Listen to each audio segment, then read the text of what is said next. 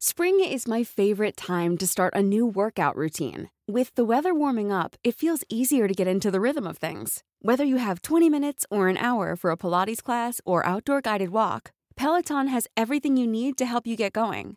Get a head start on summer with Peloton at onepeloton.com. Hiring for your small business? If you're not looking for professionals on LinkedIn, you're looking in the wrong place. That's like looking for your car keys in a fish tank.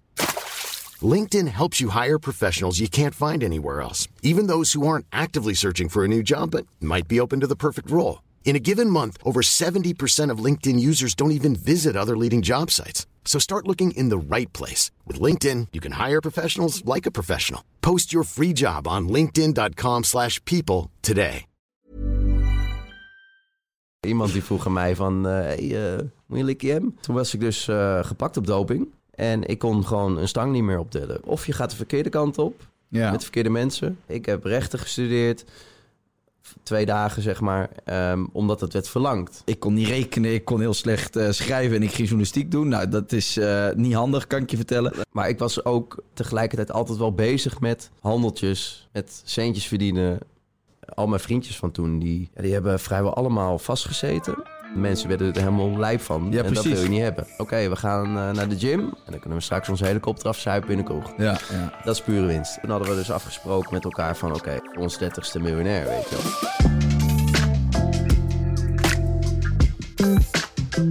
Welkom bij weer een nieuwe aflevering van Even Relativeren, de podcast.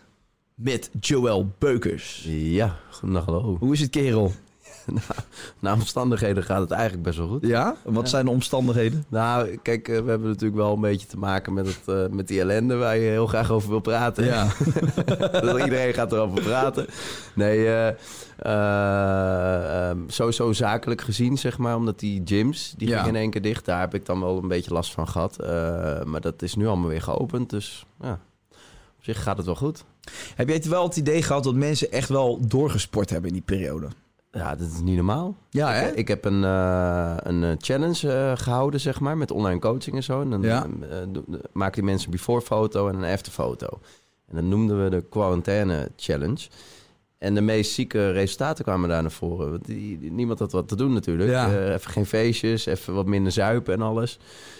En dat zie je dus terug in die resultaten. Dat is echt niet normaal. Gewoon, Maar ik denk dat ik dan een verkeerde vriendengroep heb. Want in mijn vriendengroep was iedereen dikker geworden. En is er echt alleen maar meer gezopen. Nou, ik moet eerlijk zeggen dat het bij ons ook wel een beetje de verkeerde kant op ging hoor. Ja. Ja, echt. eh, kijk, ik heb natuurlijk thuis eh, hebben een mancaveje. En eh, Ja. dat, dat was gewoon elk weekend was dat gewoon eh, eh, met een klein groepje gewoon helemaal weer door het geluid gaan. Alsof er niks aan de hand is, weet je wel. Ja. Dus, eh, maar goed, gelukkig is dat nu ook voor ons even wat minder geworden. Ja? En zijn we weer ook gefocust, omdat die gyms ook een beetje open zijn. En, en misschien dus toch eh, het strand op kunnen en dat soort dingen. En wellicht dus Ibiza en zo. Eh, dan moeten we natuurlijk wel een beetje goed erbij lopen. Absoluut. Gaf dat misschien ook een beetje rust? Ik kan me ook wel voorstellen, jij en je vriendengroep... die zijn natuurlijk altijd bezig met er goed uitzien... en, en, en de ene challenge naar de andere. Coronavirus breekt uit. Misschien heb je ook wel de rust om nu te denken van... ah joh, dat lichaam is even wat minder belangrijk. Nou, ik was sowieso al eh, ehm, sinds september, laatste keer dus eh, Ibiza. Of nee, dat was augustus. En daarna had ik nog eh, de Challenge. Dat is een auto-rally, zeg maar, Ja. door, door Europa heen. En eigenlijk sinds, sinds die laatste keer Ibiza had ik zeg maar het idee van... oké, we gaan nou even stoppen met het droog trainen. We gaan nu weer eten en, en feesten en gewoon normaal doen.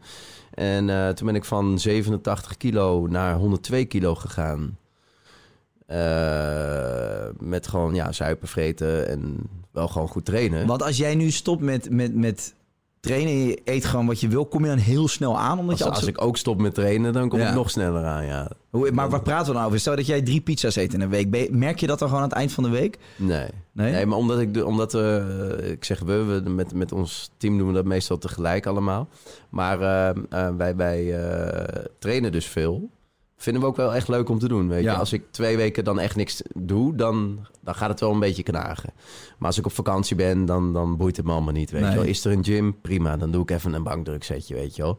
Kom je gelijk door vanuit de Pasha, hoppa. Ja, Of- Druk, of- druk je nog meer dan Nou, normaal waarschijnlijk. Ik, ja, ik, toevallig was ik daar. Ik was er met Donny vorig jaar en eh, ze hadden zo'n buitengym daar zo. Ja. kwam ik daar even heel wazig om zes uur s ochtends. Ging ik daar even in, in die eh, buitengym eh, de chestpress eh, lopen doen. Maar goed, dat, is het er, dan doen we dat eventjes zo, weet je. Hebben die kleine pomp er weer in zitten. Ja. Maar ja, kijk, eh, ehm, als ik twee weken even niks doe en daarna eh, ga ik gewoon weer lekker trainen, dan boeien die drie pizza's echt niet. Nee. Echt niet. En we vreten maar. echt veel. Als het, als, het, als het kan, dan eten we juist heel veel. Ja, en jullie hebben dus wel een soort van goede balans tussen deze periode kies je heel duidelijk uit. Oké, we gaan nu droog trainen en dan laten we ook alles even. En dan komt er ook weer een periode dat je gewoon helemaal van God losgaat. Ja. ja Lekker is die heb ik wel. net achter de rug. Ja. En eh, ik moet ook wel zeggen dat het... Kijk, zoals ik net al zei... We hadden die menk even zo, corona kwam. En toen zat ik nog in die periode dus van... I don't give a fuck, weet je wel. En ik moet zeggen dat het op een gegeven moment... gaat het ook wel een beetje eh, tegen je werken. Ja. Je past al je kleren niet meer. eh, echt, hè. Gewoon eh, al die Versace dingetjes... Die, die kon ik allemaal niet meer aan. Maar ook, ook gewoon, ja, je, je gaat het wel een beetje natuurlijk merken aan je gezondheid. Vooral dan het, het zuipen, Ja. weet je wel. Kijk, dat, eh, we gingen ook nog eh, eh, live met, die, met mijn wodka-merk. wat ik samen dus met Julian doe, een vriend van mij.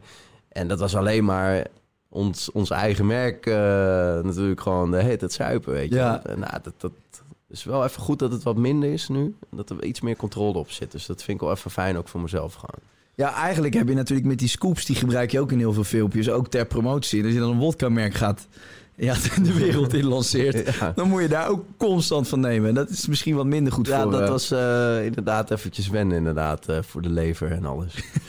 ja. Kan ik me voorstellen. ja.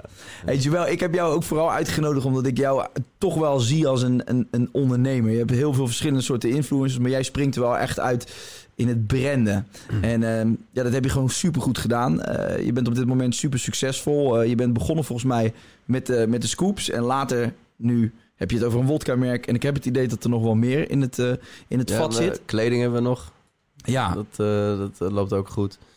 ja je zit niet stil, maar ik wil eigenlijk eens even helemaal terug naar het begin. Ja. Eh, wa- waar kom jij vandaan en, en, en, en hoe is dit allemaal ontstaan? Laten we, laten we zeggen, hoe, waar stond Joël toen hij 16 was?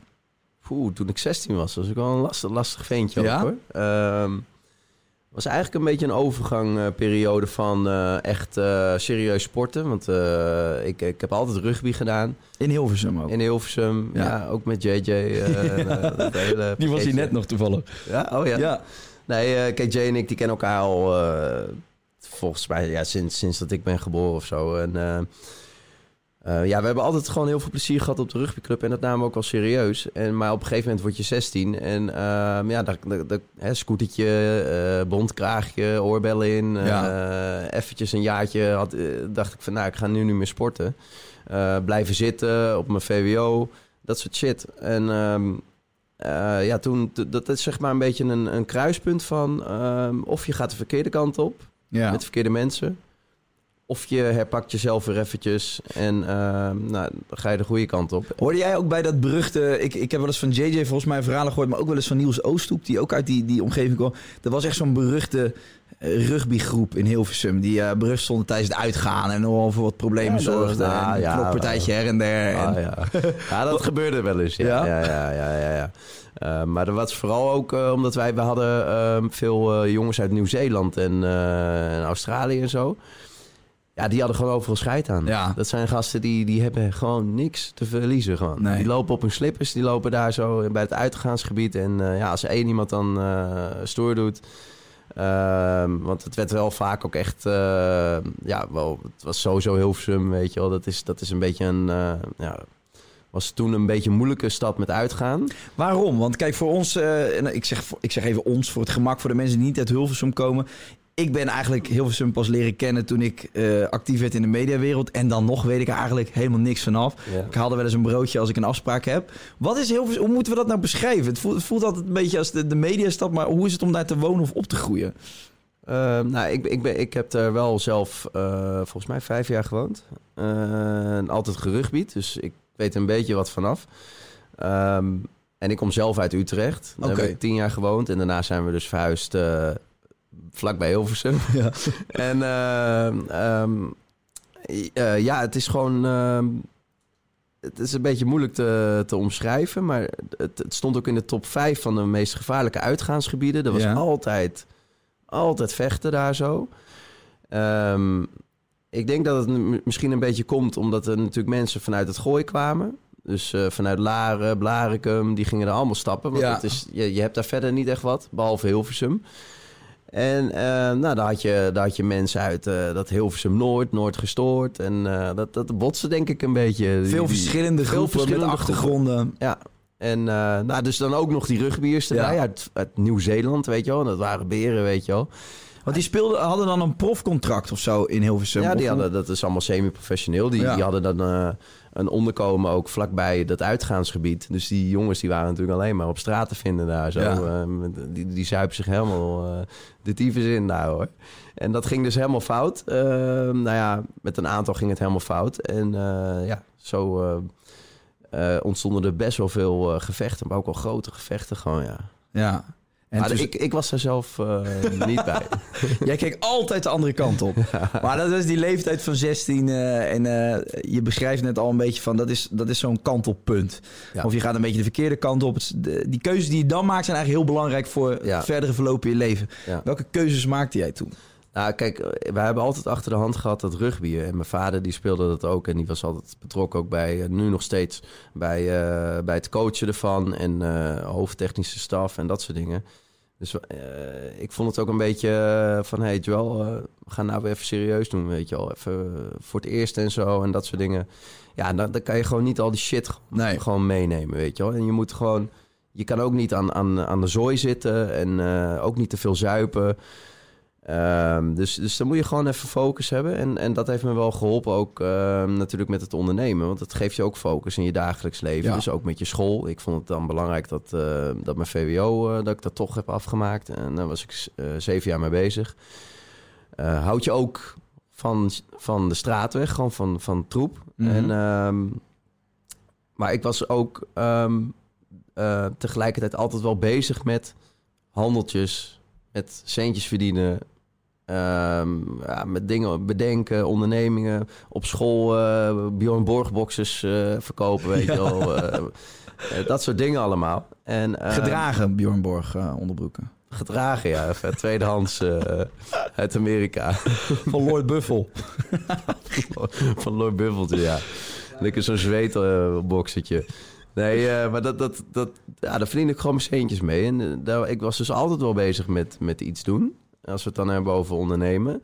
Ehm, nou, ik wist natuurlijk niet wat ik wilde gaan doen. eh, maar ik wist wel dat ik succesvol wilde worden. Want Ja. ik zat in Laren op school en al die gastjes die... eh, mijn ouders, die zijn gewoon normaal. Wij wonen gewoon in een rijtjeshuis. Dus dat wil ik wel even erbij zeggen. Ja. En ik moest gewoon altijd werken voor mijn centjes. Ook voor mijn scooter. Ook voor eh, alle uitlaten die ik op mijn scooter deed en zo. Nou, daar zaten wel vier, vijf ru- ruggen zat er in dat ding. Ehm, allemaal zelf moeten doen. En die vriendjes van mij, die kregen dat allemaal maar. Weet Ja. je wel? Oh, dan werd hij gestolen, de scooter. Nou, krijg je weer een nieuwe, weet je wel? Oh, eh, eh, weet ik wat. Een huisje in Amsterdam, want je gaat studeren. Gaan we regelen, weet je wel? Was dat frustrerend om te zien? Nee, ik, ik vond het helemaal niet frustrerend. Want ik wist wel enigszins van... hey, dat, het is misschien ook wel goed dat je er wat voor moet doen, weet je wel? precies. En, maar daarom was ik ook altijd al bezig met die handeltjes. En dat heeft zich dus nu eh, vertaald in wat ik nu eigenlijk ook doe. Die mindset van je moet je eigen centjes gewoon gaan, gaan fixen. Als je leuke dingen wil. Want Ja. ik kwam dus wel bij die, eh, bij die ouders thuis dus. En dan ging ik gewoon vragen aan een vader van... Ja, wat, wat doet u dan, weet je wel? Want dan gingen we daar studeren. En dan ging ik gewoon bij een kast van een huis... ging ik gewoon naar die vader toe. Ik zeg, ja, wa- wat doet hij allemaal? En eh, dit en dat. En dan zag ik gewoon om twee uur s'nachts... Zag, zag ik die man gewoon eh, nog werken, weet Ja. je wel? En dat vond ik heel interessant. Dus het is ook natuurlijk een beetje je interesses en zo. En, en daar keek ik zeg maar naar op. Ik kom uit Utrecht, Lunetten. Dat is een, eh, gewoon, gewoon een wijk. Maar dat, ja, dat is dan niet eh, zoals Lage Blaren, Nee. zeg maar. Ehm, dus ik moest me altijd ook een beetje aanpassen. En, en ehm, omdat ik heel plat Utrechts praatte en dat soort dingen. Ehm, eh, dat heb ik geleerd om dat te doen. Want ik werd gewoon niet geaccepteerd dan. Dus Nee. ik mocht bij vriendjes komen en dat soort dingen. Dat, die ouders die weigerden dan dat jij daar naar binnen mocht, omdat je een bepaald accent Nou, had. ze vonden het niet... Als we het hebben over verkeerde mensen omgaan... dachten ze dat ik echt zo'n zo'n schoffie was uit Utrecht. En ik praatte echt heel plat Utrechts. Ja. Dat, dat, dat zou je nu eh, niet meer Nee. herkennen. Maar eh, dat, dat, dat verleer je ook weer heel snel. Maar als ik daar, als ik in Utrecht twee weken ben, dan, dan zal het wel heel snel opgepakt worden. Maar ehm, eh, ik realiseerde me wel van gelijk van... hé, hey, dat is niet goed dat ik niet eh, bij mijn vriendjes mag komen. Dus dat ga, daar ga ik wat mee doen, weet je wel. Ik ga, dat, ik ga me er gewoon aanpassen. Maar dat lijkt me wel moeilijk.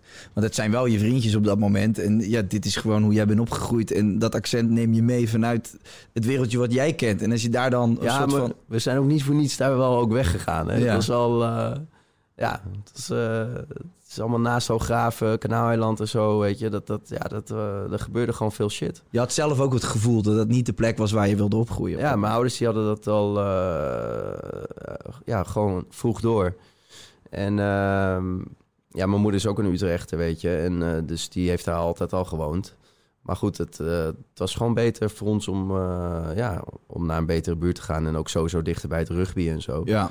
En eh, ik ben daar eigenlijk wel heel dankbaar voor dat, dat, dat mijn ouders die beslissing hebben gemaakt. Want al mijn vriendjes van toen, die, ja, die hebben vrijwel allemaal vastgezeten. Eh, eentje heeft zelfmoord gepleegd en zo. En dat is echt eh, ja, best wel heavy hoor, al die shit.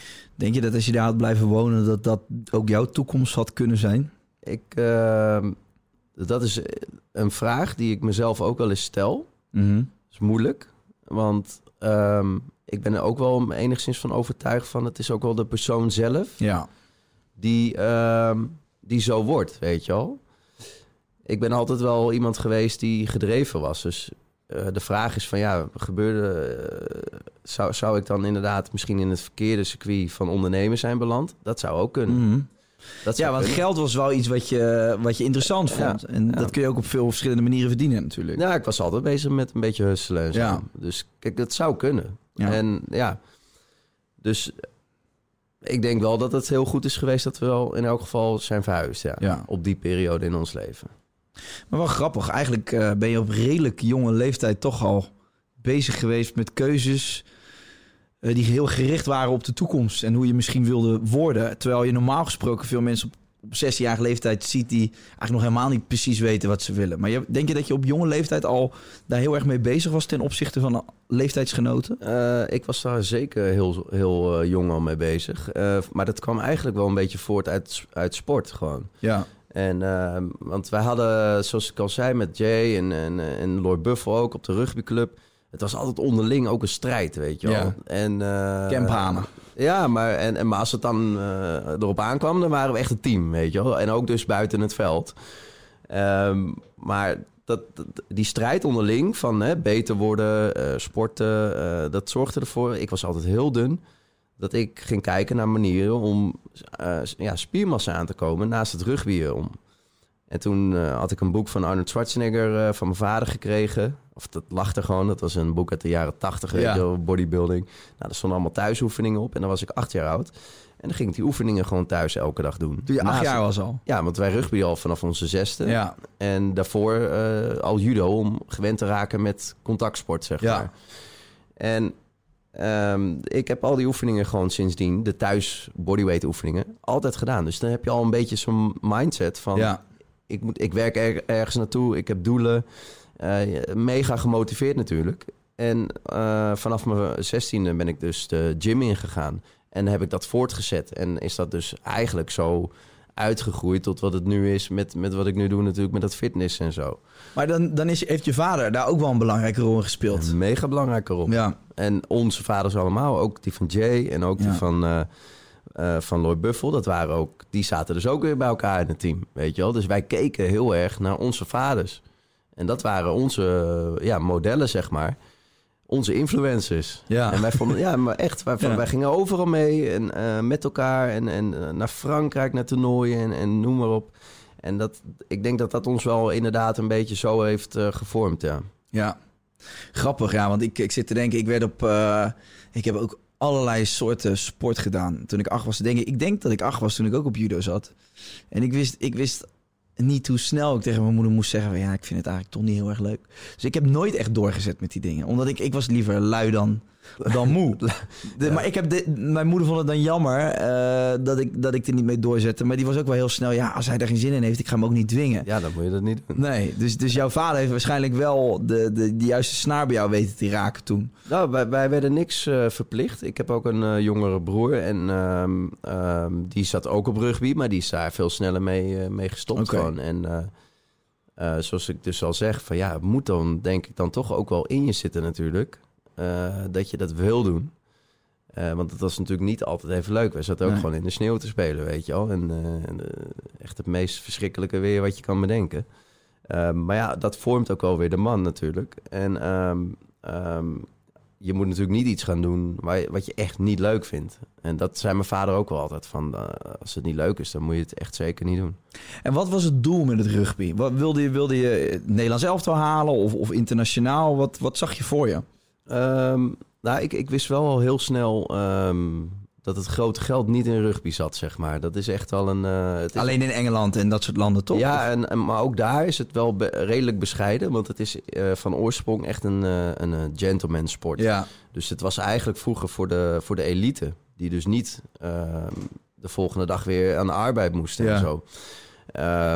En dat is eigenlijk een beetje nog steeds met die bedragen... als je het vergelijkt met voetbal natuurlijk. Dat, dat, dat, het is niet te vergelijken gewoon. Wat is het beste rugbyland op dit moment? Eh, poeh.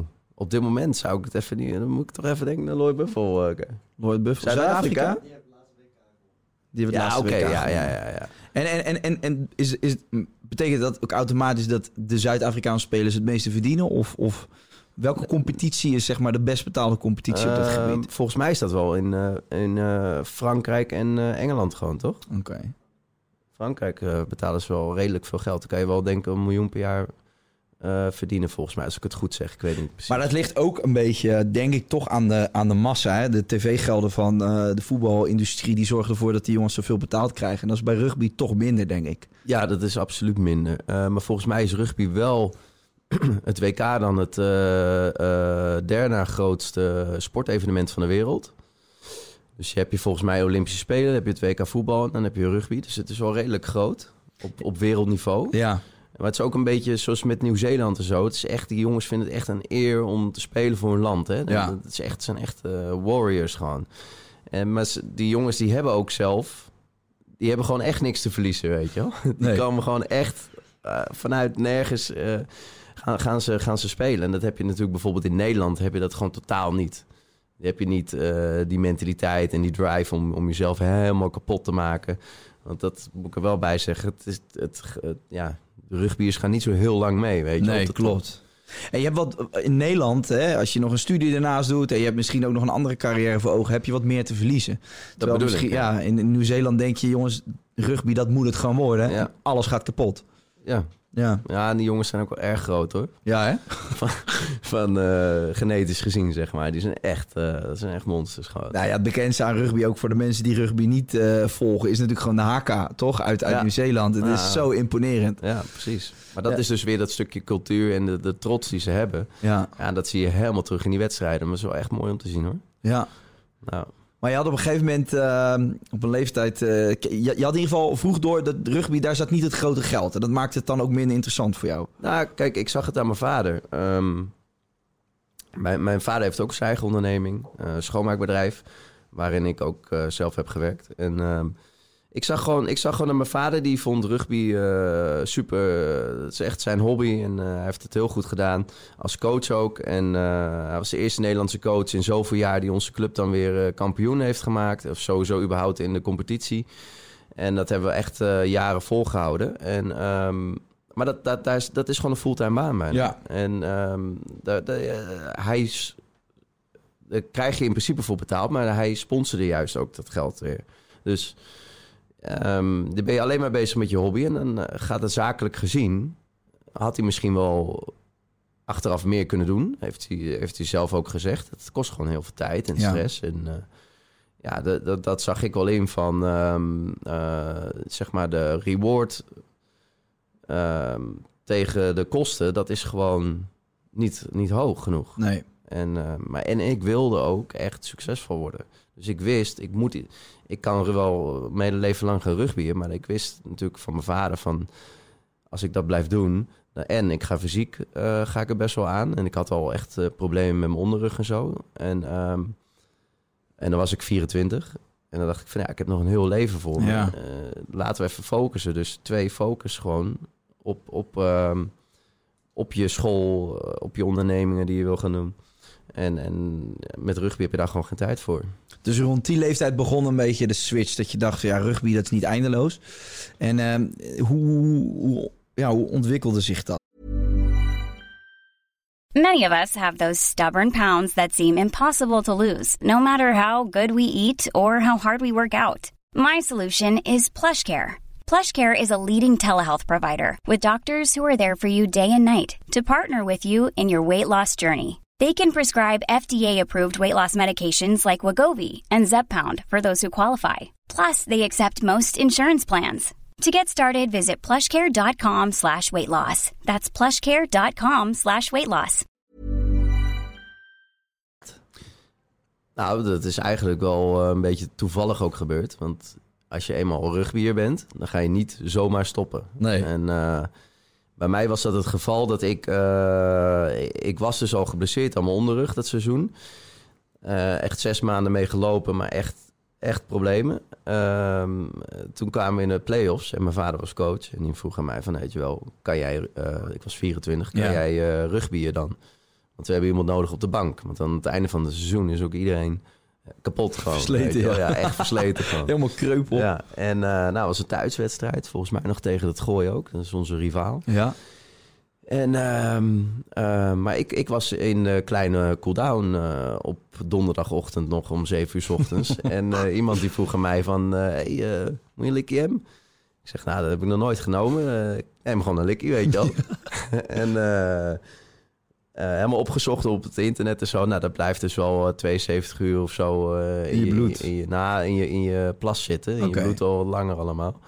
En ehm, we hadden dopingtesten gewoon, want het was gewoon het hoogste niveau van Nederland. En eh, toevallig moest je wel Beukers dan... eh, Want die donderdag dat je dat Likkie M nam, wist je nog niet dat, die, dat je die wedstrijd moest nee, banken. nee, nee, dat, dat, dat- mijn vader vroeg het echt serieus vrijdag, zeg maar. En zaterdag hadden we de wedstrijd. Had je erover nagedacht die vrijdag? Zat het nog in je hoofd? van, oh shit, ik heb dat eh, gedaan? ja, maar de kans dat je wordt gepakt, dat is natuurlijk heel klein. En Ja. normaal wordt het een beetje verteld voor de wedstrijd wie, de, wie er moeten. En dan kan je nog een ambulance pakken Ja. naar het ziekenhuis, weet je Ja. wel. maar volgens mij hebben ze dat ook aangepast, die regels. Wat, wat, een ambulance naar het ziekenhuis? Wat Nou, dan heb je je enkel gebroken of zo, of eh, weet ik veel wat. En dan, Oh, ja. eh, dan ga je even naar het ziekenhuis. En dan, dan pakken ze een ander. Ja, Eh. Maar goed, dat, ik, zat in één, ik stond onder de douche gewoon. En ja, die gasten stonden gewoon achter me. Weet je wel?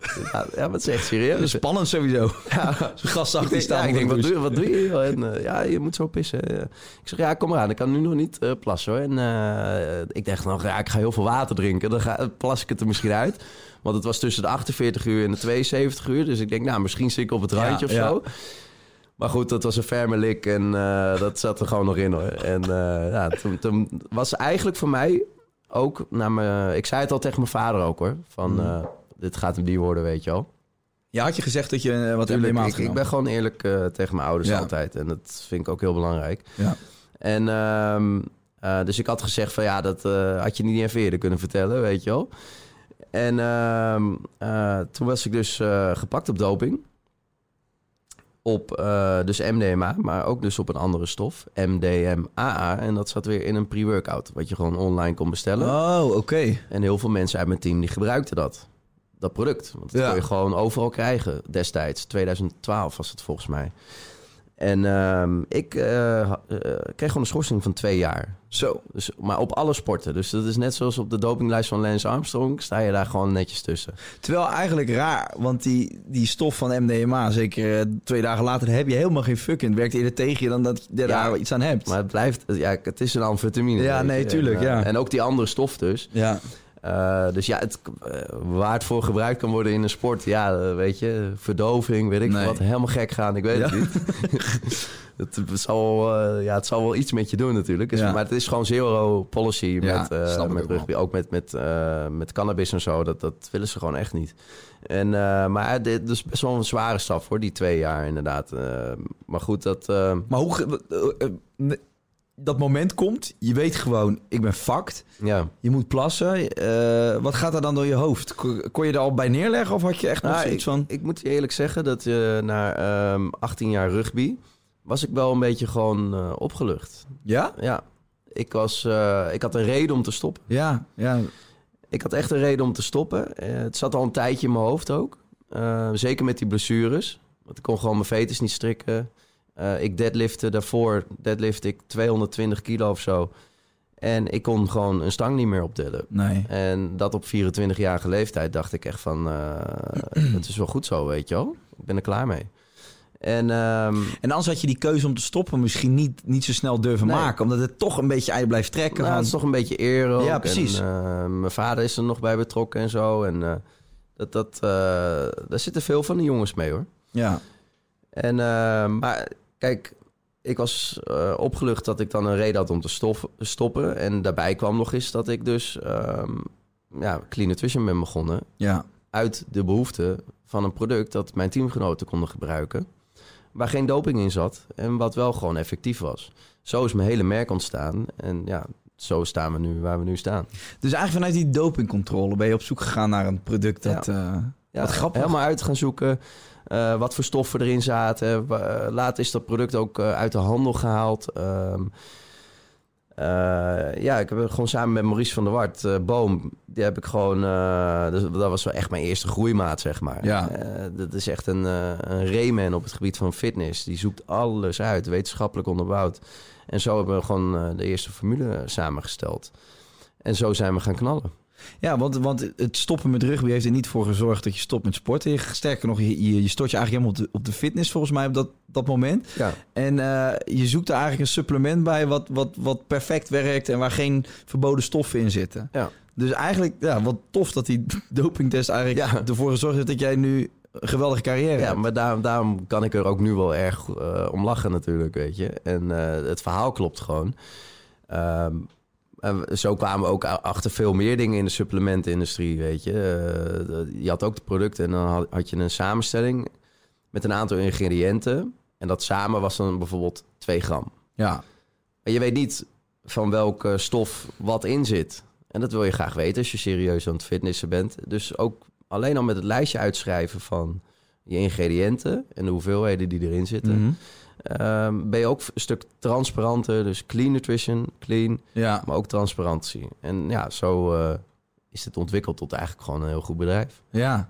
En dan, eh, da- dan bedenk je een product. En eh, dat product kan heel goed zijn. En dan komt stap 2. Hoe gaan we het aan de man brengen? Dat gaat denk ik Ja. in het begin hè, vanuit de rugby misschien. Jongens die je al kenden. Hoe heb jij in die tijd nagedacht over hoe je dit product zeg maar bekend ging maken? Nou, dat was inderdaad eh, de grootste uitdaging ooit eh, voor mij dan. Ja. Eh, want we hadden een leuk product. Ik dacht toen nog van, nou weet je, ik, ik ga gewoon met mijn auto langs de gyms en ik ga het uit mijn kofferbak verkopen. Ja. Heb ik dus ook gewoon serieus gedaan. Toen Wat, wat, wat deed je dan? Je ging gewoon naar een parkeerplaats en dan zei je... jongens, het probeer, test het eens. Of... ik, ik was gewoon lid bij verschillende gyms en dan ging ik gewoon trainen. En eh, ja, ik trainde gewoon heel hard en mensen die raakten dan met mij in de praat. En zo ben ik die, eh, die producten gaan verkopen, gewoon letterlijk uit de kofferbak. En, maar ik had natuurlijk ook een websiteje. En later konden ze dan bestellen op de website, Ja. weet je wel. Ehm, maar inderdaad, allereerst me gewoon van rugbymaten. Eh gewoon dat uitgedeeld. Even sowieso, eh, dat was een mooie testgroep ook eigenlijk. Ja. En eh, zodoende zijn we dus ja, steeds, steeds stapje verder gegaan. En op een gegeven moment kom je natuurlijk op het punt van... ja, wat gaan we doen? Wat kreeg je toen direct al goede reacties van, van die jongens? Van, Van de mensen, dit ja. werkt top. En, Ja. Ja, echt heel veel mensen, er zat heel veel betere adrenaline in ook. En in die eerste versie dus echt te veel. Dus mensen, mensen werden helemaal gek gewoon van Ja, maar spul. wat, wat doet dat precies? Dat, Ja. Is dat het spul wat je, wat je- wat je ophypt of druk maakt? Nou, of, dat, dat geeft je inderdaad zo'n eh, eh, een warm, tintelend gevoel. Maar het kan dus overgaan naar een heel erg jeukerig gevoel. Ja, ja, Dat precies. gewoon echt je gezicht gewoon helemaal jeukt, Ja. weet je wel. Dat er, dat er gewoon duizend naalden in je gezicht zit. Is dat wat vroeger had je volgens mij eh Superpump of zo heette dat? Is dat een beetje Ja, vergelijkbaar? Dat, dat is allemaal, eh, allemaal inderdaad vergelijkbaar. Ehm, je, je, had, je, had- je, je had van alles, weet je. En nu nog steeds. Er zijn nu nog veel meer van die dingen. Ehm, maar je moet juist de juiste balans weten Ja. te vinden in die ingrediënten... om het tot een product te maken. Want mensen werden er helemaal lijp van. Ja, en dat precies. wil je niet hebben. Dus, Ging je ochtends sporten en dan kwam je gewoon wous op je werk aan. ja, maar echt gewoon. Ja, Ja. dat, eh, mensen, die, mensen die braken gewoon echt de tent af... maar dan niet in de gym, weet je nee, wel. nee. Dus ehm, ja, zo zijn we de, eh, is dat een ontwikkelproces geweest natuurlijk. Maar ik ben me gaan inzetten juist op social media. Want eh, ik had een website. Je had eh, de grote merken die zaten op de, op de Google advertising en, Ja. en, en de zoekwoorden. Kom je nooit meer tussen. nee. En je had net die Facebook-pagina's van bekende mensen en fitnessguidejes uit de, uit de VS en zo. Ja. En eigenlijk was dat in Nederland was het helemaal nog niet zo eh, actief. Dus ehm, ja, ik begon gewoon met een pagina en artikelen eh, verspreiden over, over fitness, over afvallen. Want wij verkochten niet alleen een potje, maar we gaven ook online coaching. Ja. En daarom eh, is eigenlijk eh, Lord Buffel, Sam, die was eigenlijk de eerste. Die was altijd heel dik. En was echt een kaartmanager Ja. van ons groepje. Ja. En dat was ook een beetje vervelend. En, maar die moest uit de noodzaak moest die afvallen. En dan kwam hij bij mij. En dan hebben we een schemaatje gemaakt. En is hij dus 20 kilo afgevallen. Ja. In 15 weken, geloof ik. Hè, Lord? 12 weken. Want hij moest naar het... Hij moest naar 20, het- 20 kilo in 12 weken. Ja, dat is top. ja, en hij moest, af, hij moest het ook echt afvallen voor het EK rugby, zeg maar. Oké. En eh dus hij had echt een heel duidelijk doel voor ogen. Maar goed, dat was het begin van online coaching ook, wat erbij kwam. Dus het is meer dan alleen het potje. Want dat werd ook altijd gedaan. Ja, hier, potje, zoek het maar uit, weet je Ja. Ja, dat, wij hadden heel veel informatie, dus we wilden dat tot een product eh, ontwikkelen. En dat was dus de online coaching. Ehm, maar dus die informatie kan je dus ook een beetje verspreiden op social media... om dan bekendheid te vergaren. Maar dat was zo ontzettend saai in het Engels. Eh, niemand die... dat- Daar was je dus uren mee bezig met zo'n heel artikel... en niemand die, die likte dat, weet Nee. je wel, in het begin. Dus het was echt een hel gewoon. En dat heeft eigenlijk wel een paar jaar geduurd. Ik heb mezelf nog eh, ingezet voor fotoshoots. Ja. Eh, een paar koffers gepakt van fitnessmagazines. En dat was eigenlijk mijn visitekaartje. En pas echt toen ik eh, gek ging doen in die auto's, weet je al, eh, even die uitlaatklep van het rugbier wat er niet meer was. Dat vind je dan in het fitnessen. En op het veld was het altijd schreeuwen, gek doen, en rammen en beuken. En dat deden wij dus ook gewoon in de Ja, gym. wanneer ontdekte je dat dat trucje werkte? Want dat trucje kan natuurlijk, het, het kan twee kanten op gaan. Hè? Je kan of, of mensen vinden het heel grappig, of mensen Ja. denken waar hebben we nou weer mee te maken? Dus, Ja. hoe, hoe, hoe- wanneer kwam die omslag dat je dacht hé, hey, dit werkt? Ja, eh, de- de- ik, ik kijk soms dus zelf mijn video's terug om te kijken waar is nou dat gebeurd, weet je wel. Ja. Want het- is soms wel erg extreem ook hoor. En, Ja. ehm, dus ik, ik, dat vraag ik mezelf dus ook dus af, hè, Ja. wat jij net vraagt aan mij. En eh, dat, dat is zeg maar door, door, door gewoon bezig te zijn, door, door dingen uit te proberen. Dan kom je erachter, hey, mensen vinden dat misschien wel wat leuker. Even wat korter en gewoon eh, op een leuke manier iets vertellen. Ja, Ehm, wat eigenlijk de alledaagse persoon eh, aangrijpt, zeg maar. Wat, wat gewoon bij iedereen in zijn leven gebeurt, weet je. Eh, van ja, ik zit op de bank eh, Netflix of een, veel, een film Ja. te kijken. Volgens mij Netflix was er niet eens. Ik zit een film te kijken en eh, een zak chips te vreten. Maar ik kan ook nu naar de gym, weet Ja. je wel. Nou, en dat, zo schreeuwde ik die mensen gewoon letterlijk van de bank af. Ja. En dat vonden ze dus, hé, hey, dat ben ik. Ja, hey, oh ja, ik moet naar de gym, weet je wel. Ik moet, moet met de sixpack het strand op en ik moet allemaal wijven scoren en dit en dat. ja. Dat was gewoon puur de studenten-mindset. Gewoon, eh, jongens, even wat meer. Je kan best zuipen, maar ga wel even naar de gym, weet Ja. je wel. En, en dat, die teksten, pure winst. Hè, pure winst komt uit, voort uit van... oké, we gaan eh, naar de gym... en dan kunnen we straks onze helikopter afzuipen in de kroeg. ja, ja. Dat is pure winst. Eh, breek de tent af, schijven door het dak heen. Nou, dat vonden die jongens allemaal helemaal geweldig. Ja, en ik denk dat je daar ook wel mee... je spreekt daar ook een grote groep jongeren mee aan met die termen, die woorden. Weet je, ik denk ook studenten, eh, Ja. even schrijven door het dak en naar de kop eraf zuipen. Dat werkt natuurlijk wel. Ja, en, maar het was ook gewoon precies hoe wij zelf leefden. Ja. Want ik was toen nog ook een... eh, ja, ik was net klaar natuurlijk met mijn... Nou, klaar. Ik was gewoon gestopt met mijn studie. ja. En, eh, maar ik was wel die eeuwige student. Weet je, ik had geen zin om van 9 tot 5 ergens te gaan zitten en niet trainen. En dan ben ik straks 50 en dan denk ik, oh jongens, wat is er toch met mijn leven gebeurd, weet je al? Ja. Ik wilde gewoon flaneren op dat strand, eh, kunnen trainen wanneer ik wilde trainen. Dus ik maakte me ook mijn werk ervan. En eh, ja, zo eh, is dat denk ik wel bij heel veel mensen goed bevallen. Ehm, zeker omdat wij dus ook juist fitnessen, maar ook juist naar die feesten gaan. Precies, ja. Ik denk Ik heb dat jou wel één keer gezien. eh, Ja, ja, Tomorrowland. Vooraan bij de techno stage. Was jij er ook bij, eh, Lloyd Buffel? En eh, met Donnie, hè? Ja, Ja, ja, met ja. Donnie, ja. Nee, wij deden niet veel voor elkaar onder daar. Nee, ik, eh, ik, denk, ik denk ook dat dat, dat dat spreekt heel veel mensen aan. Omdat je... ehm, kijk, sporten is voor mij ook altijd een beetje... ehm, het, het gevoel dat het het ander zou uitsluiten... dat zou, zou mij tegenstaan als sporten. Omdat je denkt, ja, oké, of ik ga nu heel gezond leven en sporten... of ik ga lekker feesten. En jullie hebben, of jij hebt vooral eigenlijk een soort van... en-en gemaakt. En ik denk Ja. dat, dat dat de kracht is wel van, van hoe je het hebt gepositioneerd. ja. Je moet het juist compenseren. Ja. Kijk, als je niks doet, dan ga je twee keer de mist in. Ja. En ehm, eh, wij hadden dat eigenlijk wel een beetje met het rugby al meegekregen.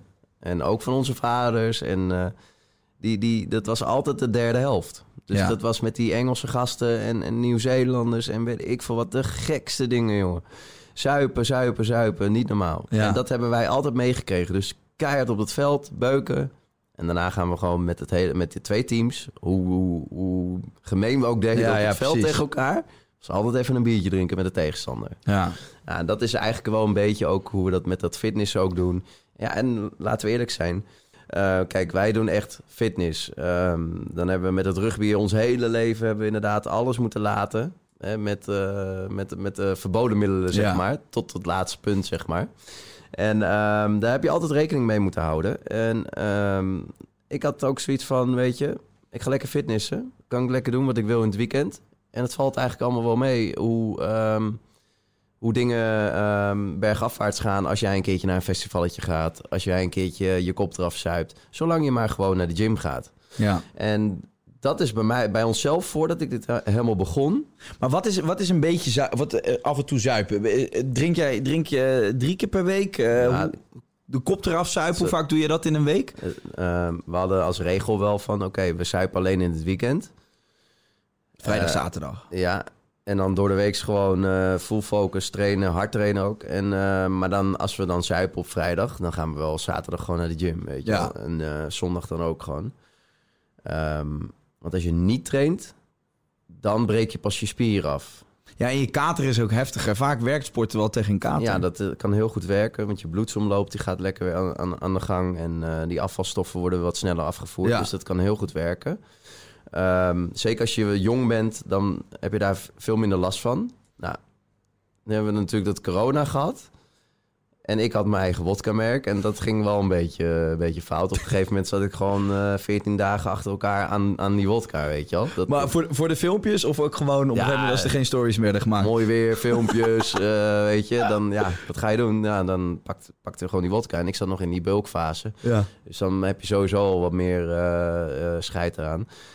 Eh, en we hadden ook zoiets van eh, end of the world, weet je al. ja. Fuck it, we gaan nu gewoon echt... eh, als Als we gaan, dan gaan we goed. Ja. ja, ik doe dingen nooit half. Nee. Dus, dus daarom zeg ik, ik, ik ga vaak door de week staan niet drinken. Want het is niet bij mij één drankje. Nou ja, dan kunnen we elkaar de hand schudden. Ja, Ik, ik, drink, ik drink liever niet eh, of goed. uit zelfbescherming. Ja, uit Niet- zelfbescherming. Ja. Ja, dus, dus oké, het weekend en eh, een goede balans, maar ook als er gedronken wordt of, of, of een ander supplementje op een festival, gewoon de volgende dag sporten. Ja. Ja. Ja, het kan wel eens natuurlijk voorkomen dat je gewoon echt helemaal eraf bent, weet je al. Ja. Dan is soms rust ook wel weer goed. Maar dan pak je het gewoon die dag daarna weer op, weet je. Maar je moet, er, je moet er geen gewoonte van maken dat het dan de dag daarna ook weer rust is. Ja. En, eh, en, en dat je pas eh, donderdag of vrijdag gaat trainen. Oké. Dus het is wel eh, het, het is verstandig om dan wel te gaan trainen, ja.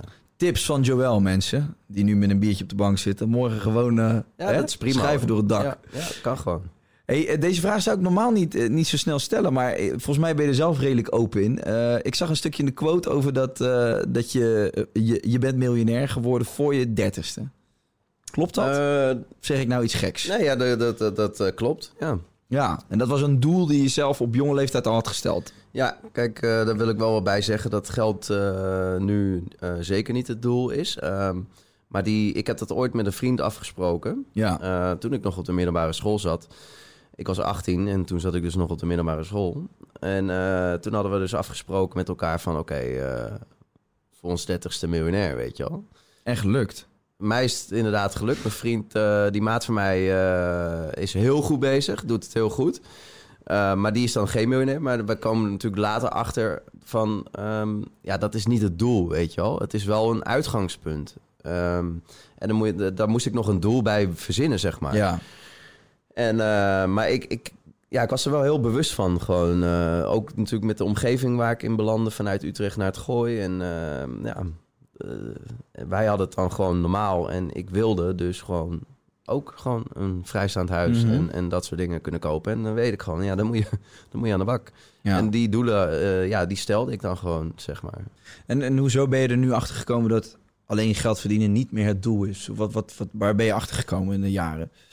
Nou, kijk, of je nou een miljoen hebt of vijf ton. Uh, kijk, ja, dat, dat, uh, dat maakt er allemaal niet meer zoveel uit. Ik, ik had, het belangrijkste vond ik, was dat ik eindelijk iets had gevonden waar ik echt volledig mijn passie in kwijt ja. kon. En dat was, dat was gewoon uh, die, die online coaching supplementen. En dat was gewoon echt ontstaan dus uit die behoefte dat ik het zelf wilde hebben voor mijn teamgenoten, ja. voor mezelf. Uh, fitness, dat vonden wij heel leuk. Waarom? We kunnen lekker trainen en keihard flaneren.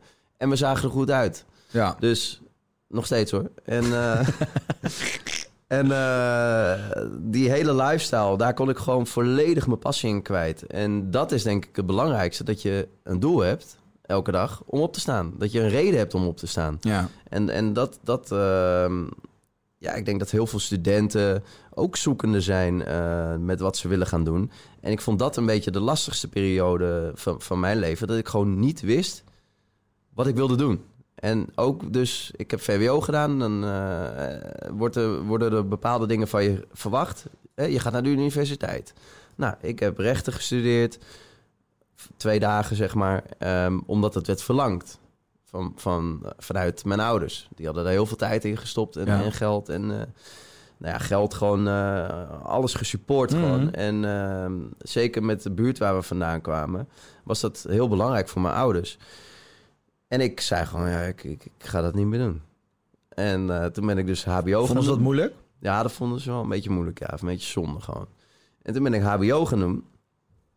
Uh, wat breder gewoon. Management, economie en recht. Mhm. Mm -hmm. En uh, om, puur omdat ik nog steeds zoekende was. En daar kwam ik in de mijn ondernemerschap in mijn derde jaar. Ik had al die andere jaren gehaald. Ik kon, ik kon wel vrij uh, makkelijk leren ook. En um, toen kwam ik in die mijn ondernemerschap toen kwam ik inderdaad achter dat dat mijn passie zou zijn. Ondernemen. Ik vond het heel leuk om iets te creëren. En ik had toen neukenjanee.nl bedacht in die minor. En Wat, hoe heette dat? Neukenjanee.nl.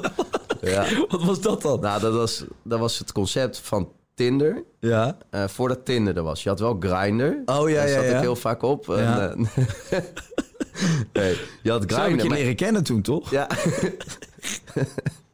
Je had uh, Grindr was toen uh, was dat heel uh, dat was best wel bekend zeg maar aan het worden meer in de in de vieze zin van het woord ja. ook en um, je had heel veel dating sites had je wel maar dan, dan ging het echt om echt om daten weet je om echt midlifers die gingen daten en ik dacht, ja, maar. Lexa.nl. Ja, gewoon, gewoon, maar, gewoon hele serieuze ja. dingen. Ja, en het second En maar ik dacht gewoon van, ik ben student en ik wil gewoon neuken, weet je wel. Ja. Ik wil gewoon niet... Um, zeg, ik, ben, ik ben gewoon 24, 3, of wat was het, 23, 24, ja. allemaal in diezelfde periode van het uh, rugby gedoe. Ik wilde gewoon uh, de kroeg inlopen en uh, niet te veel met jou praten, met jou ook. En, en dan gewoon zeggen ja of nee, weet ja, je nee, ja, ja, heel duidelijk concept. En, en uh, dus ik had een website werkend met, met je profiel, dat je plaatjes wat je kon, kon uploaden en dan konden mensen gewoon swipen ja of nee. Nou, dat is eigenlijk gewoon Tinder. En ja. dat kwam daarna pas. En... Um, en werd, hoeveel, hoeveel gebruikers had je dan op die website? Ja, ik had wel een paar honderd gebruikers, maar voornamelijk mannen. Allemaal op rugby. ja, allemaal, allemaal rugby, jongens. Nee, eh, het, de, de naam was zo grof. Neuken, Ja. ja. nee, weet je wel. Het was echt... eh, ik ging die... eh, ik had... eh, je, je kent die brievenbus eh, stickers wel, toch? Ja, ja, tuurlijk. Met eh, posten, Ja, ja, nee. of nee. En eh, had ik kaartjes gemaakt met eh, neuken. Ja of nee, weet je Ja. wel. En dan eh, kort door de bocht, recht door zee, neuken, ja of nee. Dat soort filmpjes allemaal gemaakt. Kan je nog ergens vinden trouwens. dus, Maar eh, die, die spreek jij zelf ook in? Ja, ik was eh, hoofdrolspeler in die reclame. Dat moest je allemaal doen voor die miner. Dan zie je mij zonder shirt. Ja, maar dan snap je toch ook dat die vrouwen zijn weggebleven? Ja, ja, ja, ja. En dan- ik stond zonder shirt langs de weg en dan kwam er een, eh, een sportauto, een Amerikaanse sportauto, die kwam langs en die vroeg van, hey, of ik vroeg, ja, een meisje vroeg, hey, neuken? Zo, zoiets. En toen stapte ik in en dan gingen we neuken en dan gingen we recht door zee ook, letterlijk. ja. ja, het is heel slecht. Echt Wat heel een marketingkanon. Ja, ja, ja, ja. Het was echt... eh, Dat wist ik niet, man. Goed zeg. Nee, het filmpje staat ergens nog op YouTube. Dus als mensen dat willen En opzoeken... wie was dat meisje? Wie heb je zo gek gekregen Ja, dat, poeh, dat weet ik allemaal niet meer. Dat was ook weer iemand... Gewoon, volgens mij was het kroeg in. Hilversum. Ja, we gingen de, de kroeg in om dus die kaartjes uit te delen, weet je wel. En dat, nou, dat was, op zich was dat wel een... ehm, ja, daar werd veel over gepraat wel. Ja, dat geloof ik. Binnen die miner en sowieso binnen de, de... Volgens mij hangt dat, dat kaartje hangt nog steeds achter de bar bij, eh, bij de kleine cooldown. Ja. Dus als we zo meteen weer erin mogen, dan moeten jullie allemaal eventjes naar die bar gaan. Oh, Volgens mij bij Flip. En dan staat hier gewoon... Het originele kaartje hangt daar Ja. nog. Ja. Dus ja, dat, dat, dat, ik vond het heel leuk om te doen. En ik had eigenlijk zoiets van... hey, ik heb iets eh, waar ik echt gewoon eh, vol wil eh, voor gaan. En eh, ik denk dus dat dat het allerbelangrijkste is. is dat, je de, dat, dat het doel is, als je niet weet wat je wil gaan doen... dat je dus een idee hebt of iets... of het kan ook een baan zijn, hè? Ja. Dat je iets vindt waar je gewoon echt gelukkig mee bent... en dat je denkt, oké, dat zie ik mezelf nou gewoon de komende 10, 20 jaar doen. Of misschien Juist. wel langer. Ja. Dat, dat vond ik heel belangrijk. Ja, en het, en het ondernemen werd eigenlijk een beetje gestimuleerd daar. Eh, eh, maakt nog niet zo uit wat, maar je wist in ieder geval dat je dat wilde gaan doen. Ja, ik, ik, ik zat. eh, de, die, ik moet ik ook zeggen trouwens over die miner. ehm, ik vond het heel leuk om te doen. Ehm, ook omdat er heel veel mensen uit het vak gewoon langskwamen. Dus eh, die gingen jou vertellen eh, wat er beter kon. Of eh, hè, wat, er, wat niet goed was, of wat juist wel goed was. En zo heb ik nog in de coronatijd ehm, via dat videobellen met die hele klas ook nog een ehm, interviewtje gedaan Ja. met al Oh, die lachen. gasten. Dus dat is- vond ik wel heel leuk om dat ook weer terug te doen, zeg maar. Maar hoe kijk jij hier dan naar? Als ik, als ik wel eens denk aan het eh, onderwijssysteem in, eh, in Nederland, of eigenlijk wereldwijd, is dat je, je, je als ouder hoop je eigenlijk gewoon even, even plat gezegd dat je kind gaat studeren en een diplomaatje haalt. Dat, dat hoop je, want hè, in de optiek van een ouder, als dat lukt, dan is het opvoeden geslaagd en komt die kind goed terecht.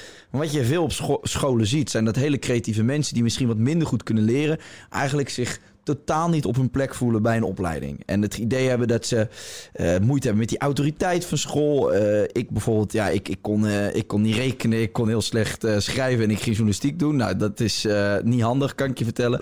Maar ik heb wel altijd, ik heb, ik heb altijd een beetje met mijn ziel onder mijn armen op zo'n school gelopen. En ik heb, ben weinig, ook op de basisschool eigenlijk al, krijg je heel snel te horen wat kan je wel en wat kan je niet. Die kindjes die kunnen heel goed rekenen, dus die zetten we in een apart groepje. En Ja, die ja. kindjes kunnen dat niet, dus die zetten we ook in een apart groepje. Waardoor er eigenlijk al heel erg onderscheid wordt gemaakt, slim, dom. En dat, ik denk dat je dat als kind best wel meeneemt, terwijl je succesverhalen, als je die hoort, heel veel ondernemers die echt gewoon gezegd hebben van ik ga mijn passie volgen en ik ga het gewoon op mijn eigen manier doen, dat zijn toch vaak de succesvollere mensen. Ehm, ik heb Sander Schemmelpinning hier een tijd geleden gehad. Toen hadden we het ook over ondernemers die eh, ja, in, die, in, die, in, die quote, in die allemaal staan. En er zitten heel veel eh, gasten tussen waarvan hij ook wel eens in beginsel dacht, wat een domme jongen. Maar die het gewoon ontzettend goed gedaan heeft, omdat hij gewoon maar één doel had. En hoe, kijk je daarnaar, zeg maar, ook als ouder zijnde? eh, bij jou merkt hij toch ook al enige druk hè, van je ouders. Ik stel ze misschien wel teleur als ik dit niet ga doen. En ik denk dat heel veel jongens en meisjes die zitten te kijken dat misschien ook wel ervaren. Wat, wat, heb je daar nog een soort tip voor? Of, of... Eh, nou, ik ben het helemaal eh, met het verhaal eens. Ehm, dat eh, het onderwijssysteem is gewoon in mijn ogen te verouderd. Gewoon. Ja, Het is te verouderd, zeker met de snelheid waarin we nu leven.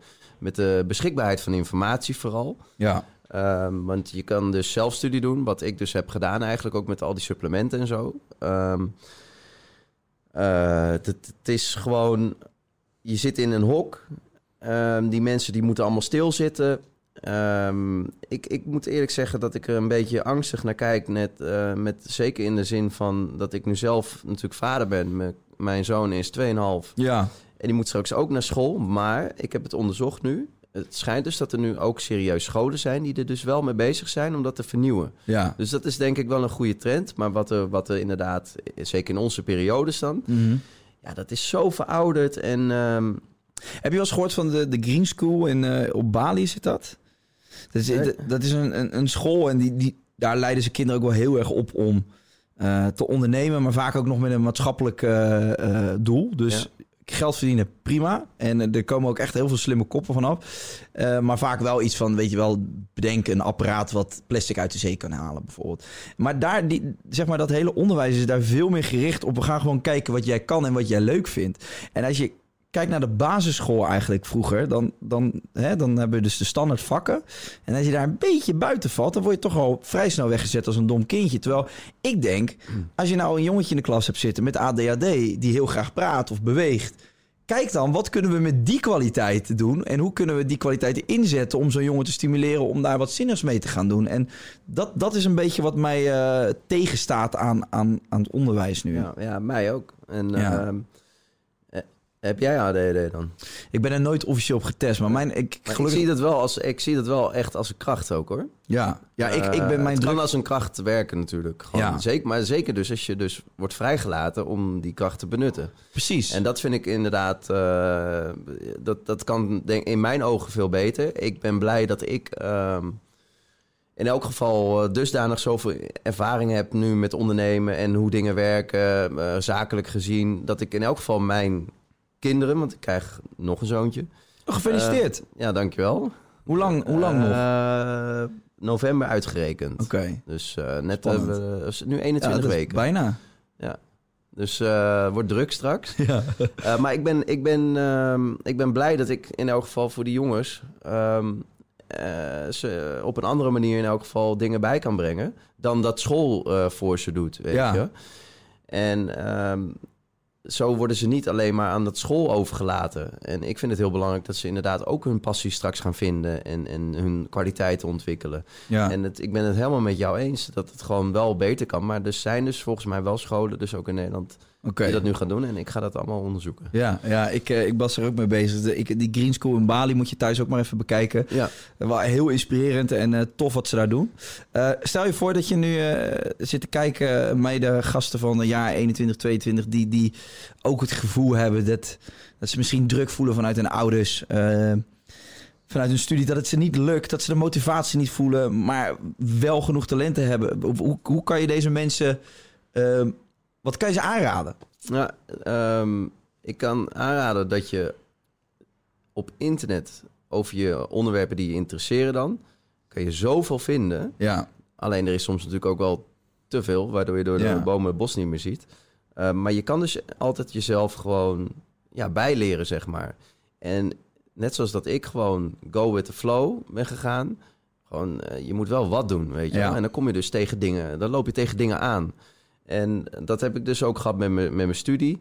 Ik ging die eh, management, economie en recht eh, HBO-studie doen. En toen kwam ik in één keer in dat wereldje van het ondernemen, weet je wel. Ja. Eh, je moet dus wel bezig blijven als je zoekende bent met ehm, de juiste dingen. Want als ik dus niet op die studie zat, wat ik dus ook heb gedaan... dan ga ik in één keer de wc schoonmaken bij mijn vaders bedrijf. Mhm. Kijk, en dan kom je niet met de juiste mensen in aanraking... als je succesvol wil worden in een bepaald ander onderwerp. ja, Dus je moet wel inderdaad eventjes door de zure appel heen... ja, om te kunnen ontdekken wat je misschien juist ook inderdaad echt niet wil. ja. Dat was bij mij heel belangrijk. Van, nou, Ja, absoluut, de rest zeker, leven ja. eh, de playslopen schoonmaken. Nee.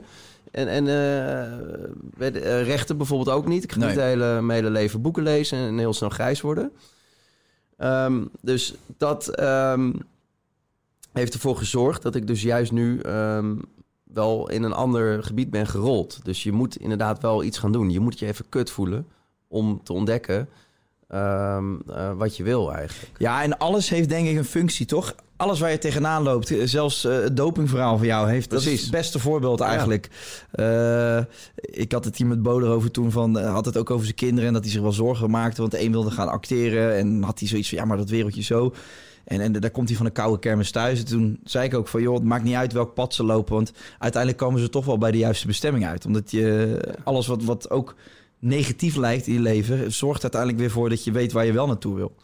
En, en ik denk ook misschien wel voor, voor, voor de mensen die nog studeren. eh, ja, laat je vooral niet op basis van wat docenten of ouders zeggen wijsmaken dat dit het enige is wat je kunt of wat je moet willen. En eh, Nou, daar 100% mee eens. ja, Ja, echt.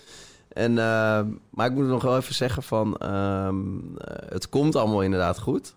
Als je natuurlijk wel een beetje het hartje op het goede, op het juiste plaatsje Absoluut. Eh, ja. Je moet wel een beetje je kopje erbij houden. ja.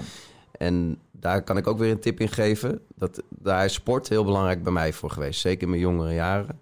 Dus hè, heb je niks te doen... Of nou ja, niks te doen. Je, je, je hebt geen werk. eh, je studie vind je kut. Ga gewoon sporten. Ja. Weet je wel? En dan heb je in elk geval een ritme. En dat houdt je inderdaad van de verkeerde dingen af. ja. Dus daar moet je wel een beetje voor waken. Ja, goede tip. Ja, absoluut.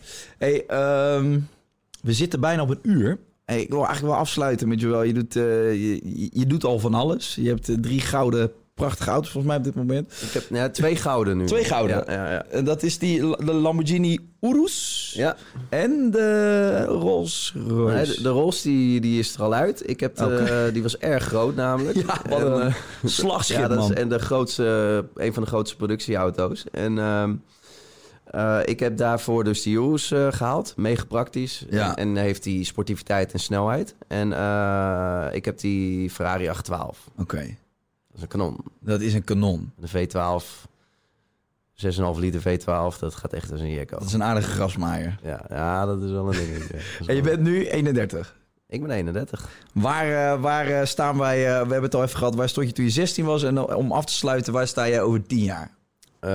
Over tien jaar hoop ik in elk geval ehm, iets minder bezig te zijn met mezelf. Eh, met dat schreeuwen en Ja. alles. Want ik kan eh, gewoon heel normaal eh, praten. en Ja, dat blijkt. jou. nee, dus, maar daar ben ik sowieso al mee bezig. Maar ik hoop dat ik over tien jaar sowieso met mijn gezin... dat zou heel grappig zijn natuurlijk. Want dan heb ik jongens van, van 12 al. dat ik dat, dat allemaal goed heb. Misschien nog een meisje erbij. Ehm, Kindje bedoel je? eh, ja, ja, ja, ja, ja. ja, sorry, nee, ik zit even... Je bent gewoon getrouwd, toch? Of, je bent samen... Nee, ik ben niet getrouwd. Nee. Nog, ik dacht, nog een meisje erbij. Nee, ik ben, ik ben met Lucas en we hebben twee kindjes eh, geadopteerd. Nee, eh, ik, ik, ben, eh, ik ben gelukkig met Dionne. En eh, dat hoop ik dus ook dus over tien jaar nog zo te zijn. En eh, dat we dus nog een meisje erbij krijgen. Ook voor Dionne zou dat heel leuk zijn. Ja. Want we zitten anders met drie jongens in huis. Eh, nou, dat is allemaal top. Ik heb, eh, ik heb, we hebben in principe ons droomhuis eh, vrijstaand. eh, heel veel grond erbij. En eh, niemand heeft last van ons. Dat is het belangrijkste. Dus dat is er in principe geregeld. En ik zou dus wat minder op de voorgrond aanwezig willen zijn op, op social media. Gewoon echt doen. Echt gewoon puur doen. eh, van nou, heb ik hier iets te posten, dan post ik Ja. het, weet je wel. En gewoon niet meer kijken naar, naar, naar de reacties en dat soort dingen. En gewoon wat minder op de voorgrond zijn. En iets meer als een baas rondlopen. Nog, Ja. nog meer bazerig.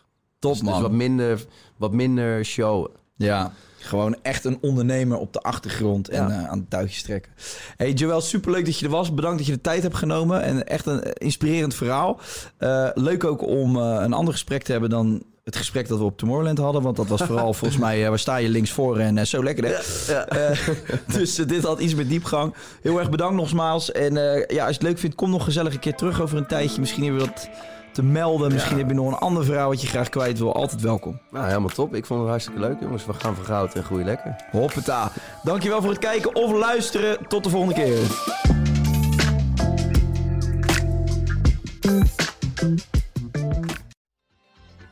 Weet je waar ik zo'n tyfushekel aan heb? Toeristen, als het te druk is in de stad, zelf koken. Ja, alles wat je nu zojuist benoemt. En daarom maken jij, denk Daan Hogevorst, Ja, Robert Rodenburg.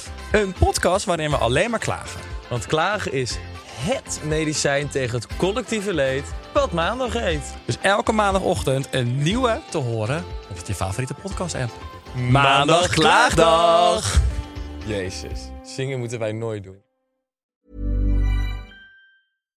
If you're looking for plump lips that last, you need to know about Juvederm lip fillers. With Juvederm Volbella XC and Juvederm Ultra XC, your lip look, whether it's subtle or bold, can last up to one full year with optimal treatment and no additional maintenance. Find a licensed specialist and see if it's right for you at juvederm.com today. That's J U V E D E R M.com. Add fullness to lips in adults over 21 with Juvederm Volbella XC or Juvederm Ultra XC. Do not use if you have severe allergies or a history of severe allergic reactions, or if you're allergic to lidocaine or the proteins used in Juvederm. Tell your doctor if you have a history of scarring or taking medicines that decrease the body's immune response or that can prolong bleeding. Common side effects include injection site redness, swelling, pain, tenderness, firmness, lumps, bumps, bruising, discoloration, or itching. As with all fillers, there's a rare risk of unintentional injection into a blood vessel, which can cause vision abnormalities, blindness, stroke, temporary scabs, or scarring. For full important safety information, visit juvederm.com.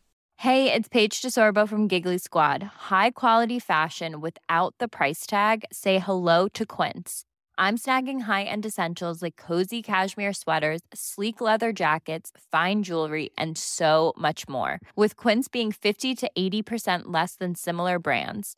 And they partner with factories that prioritize safe, ethical, and responsible manufacturing. I love that. Luxury quality within reach. Go to quince.com slash style to get free shipping and 365 day returns on your next order.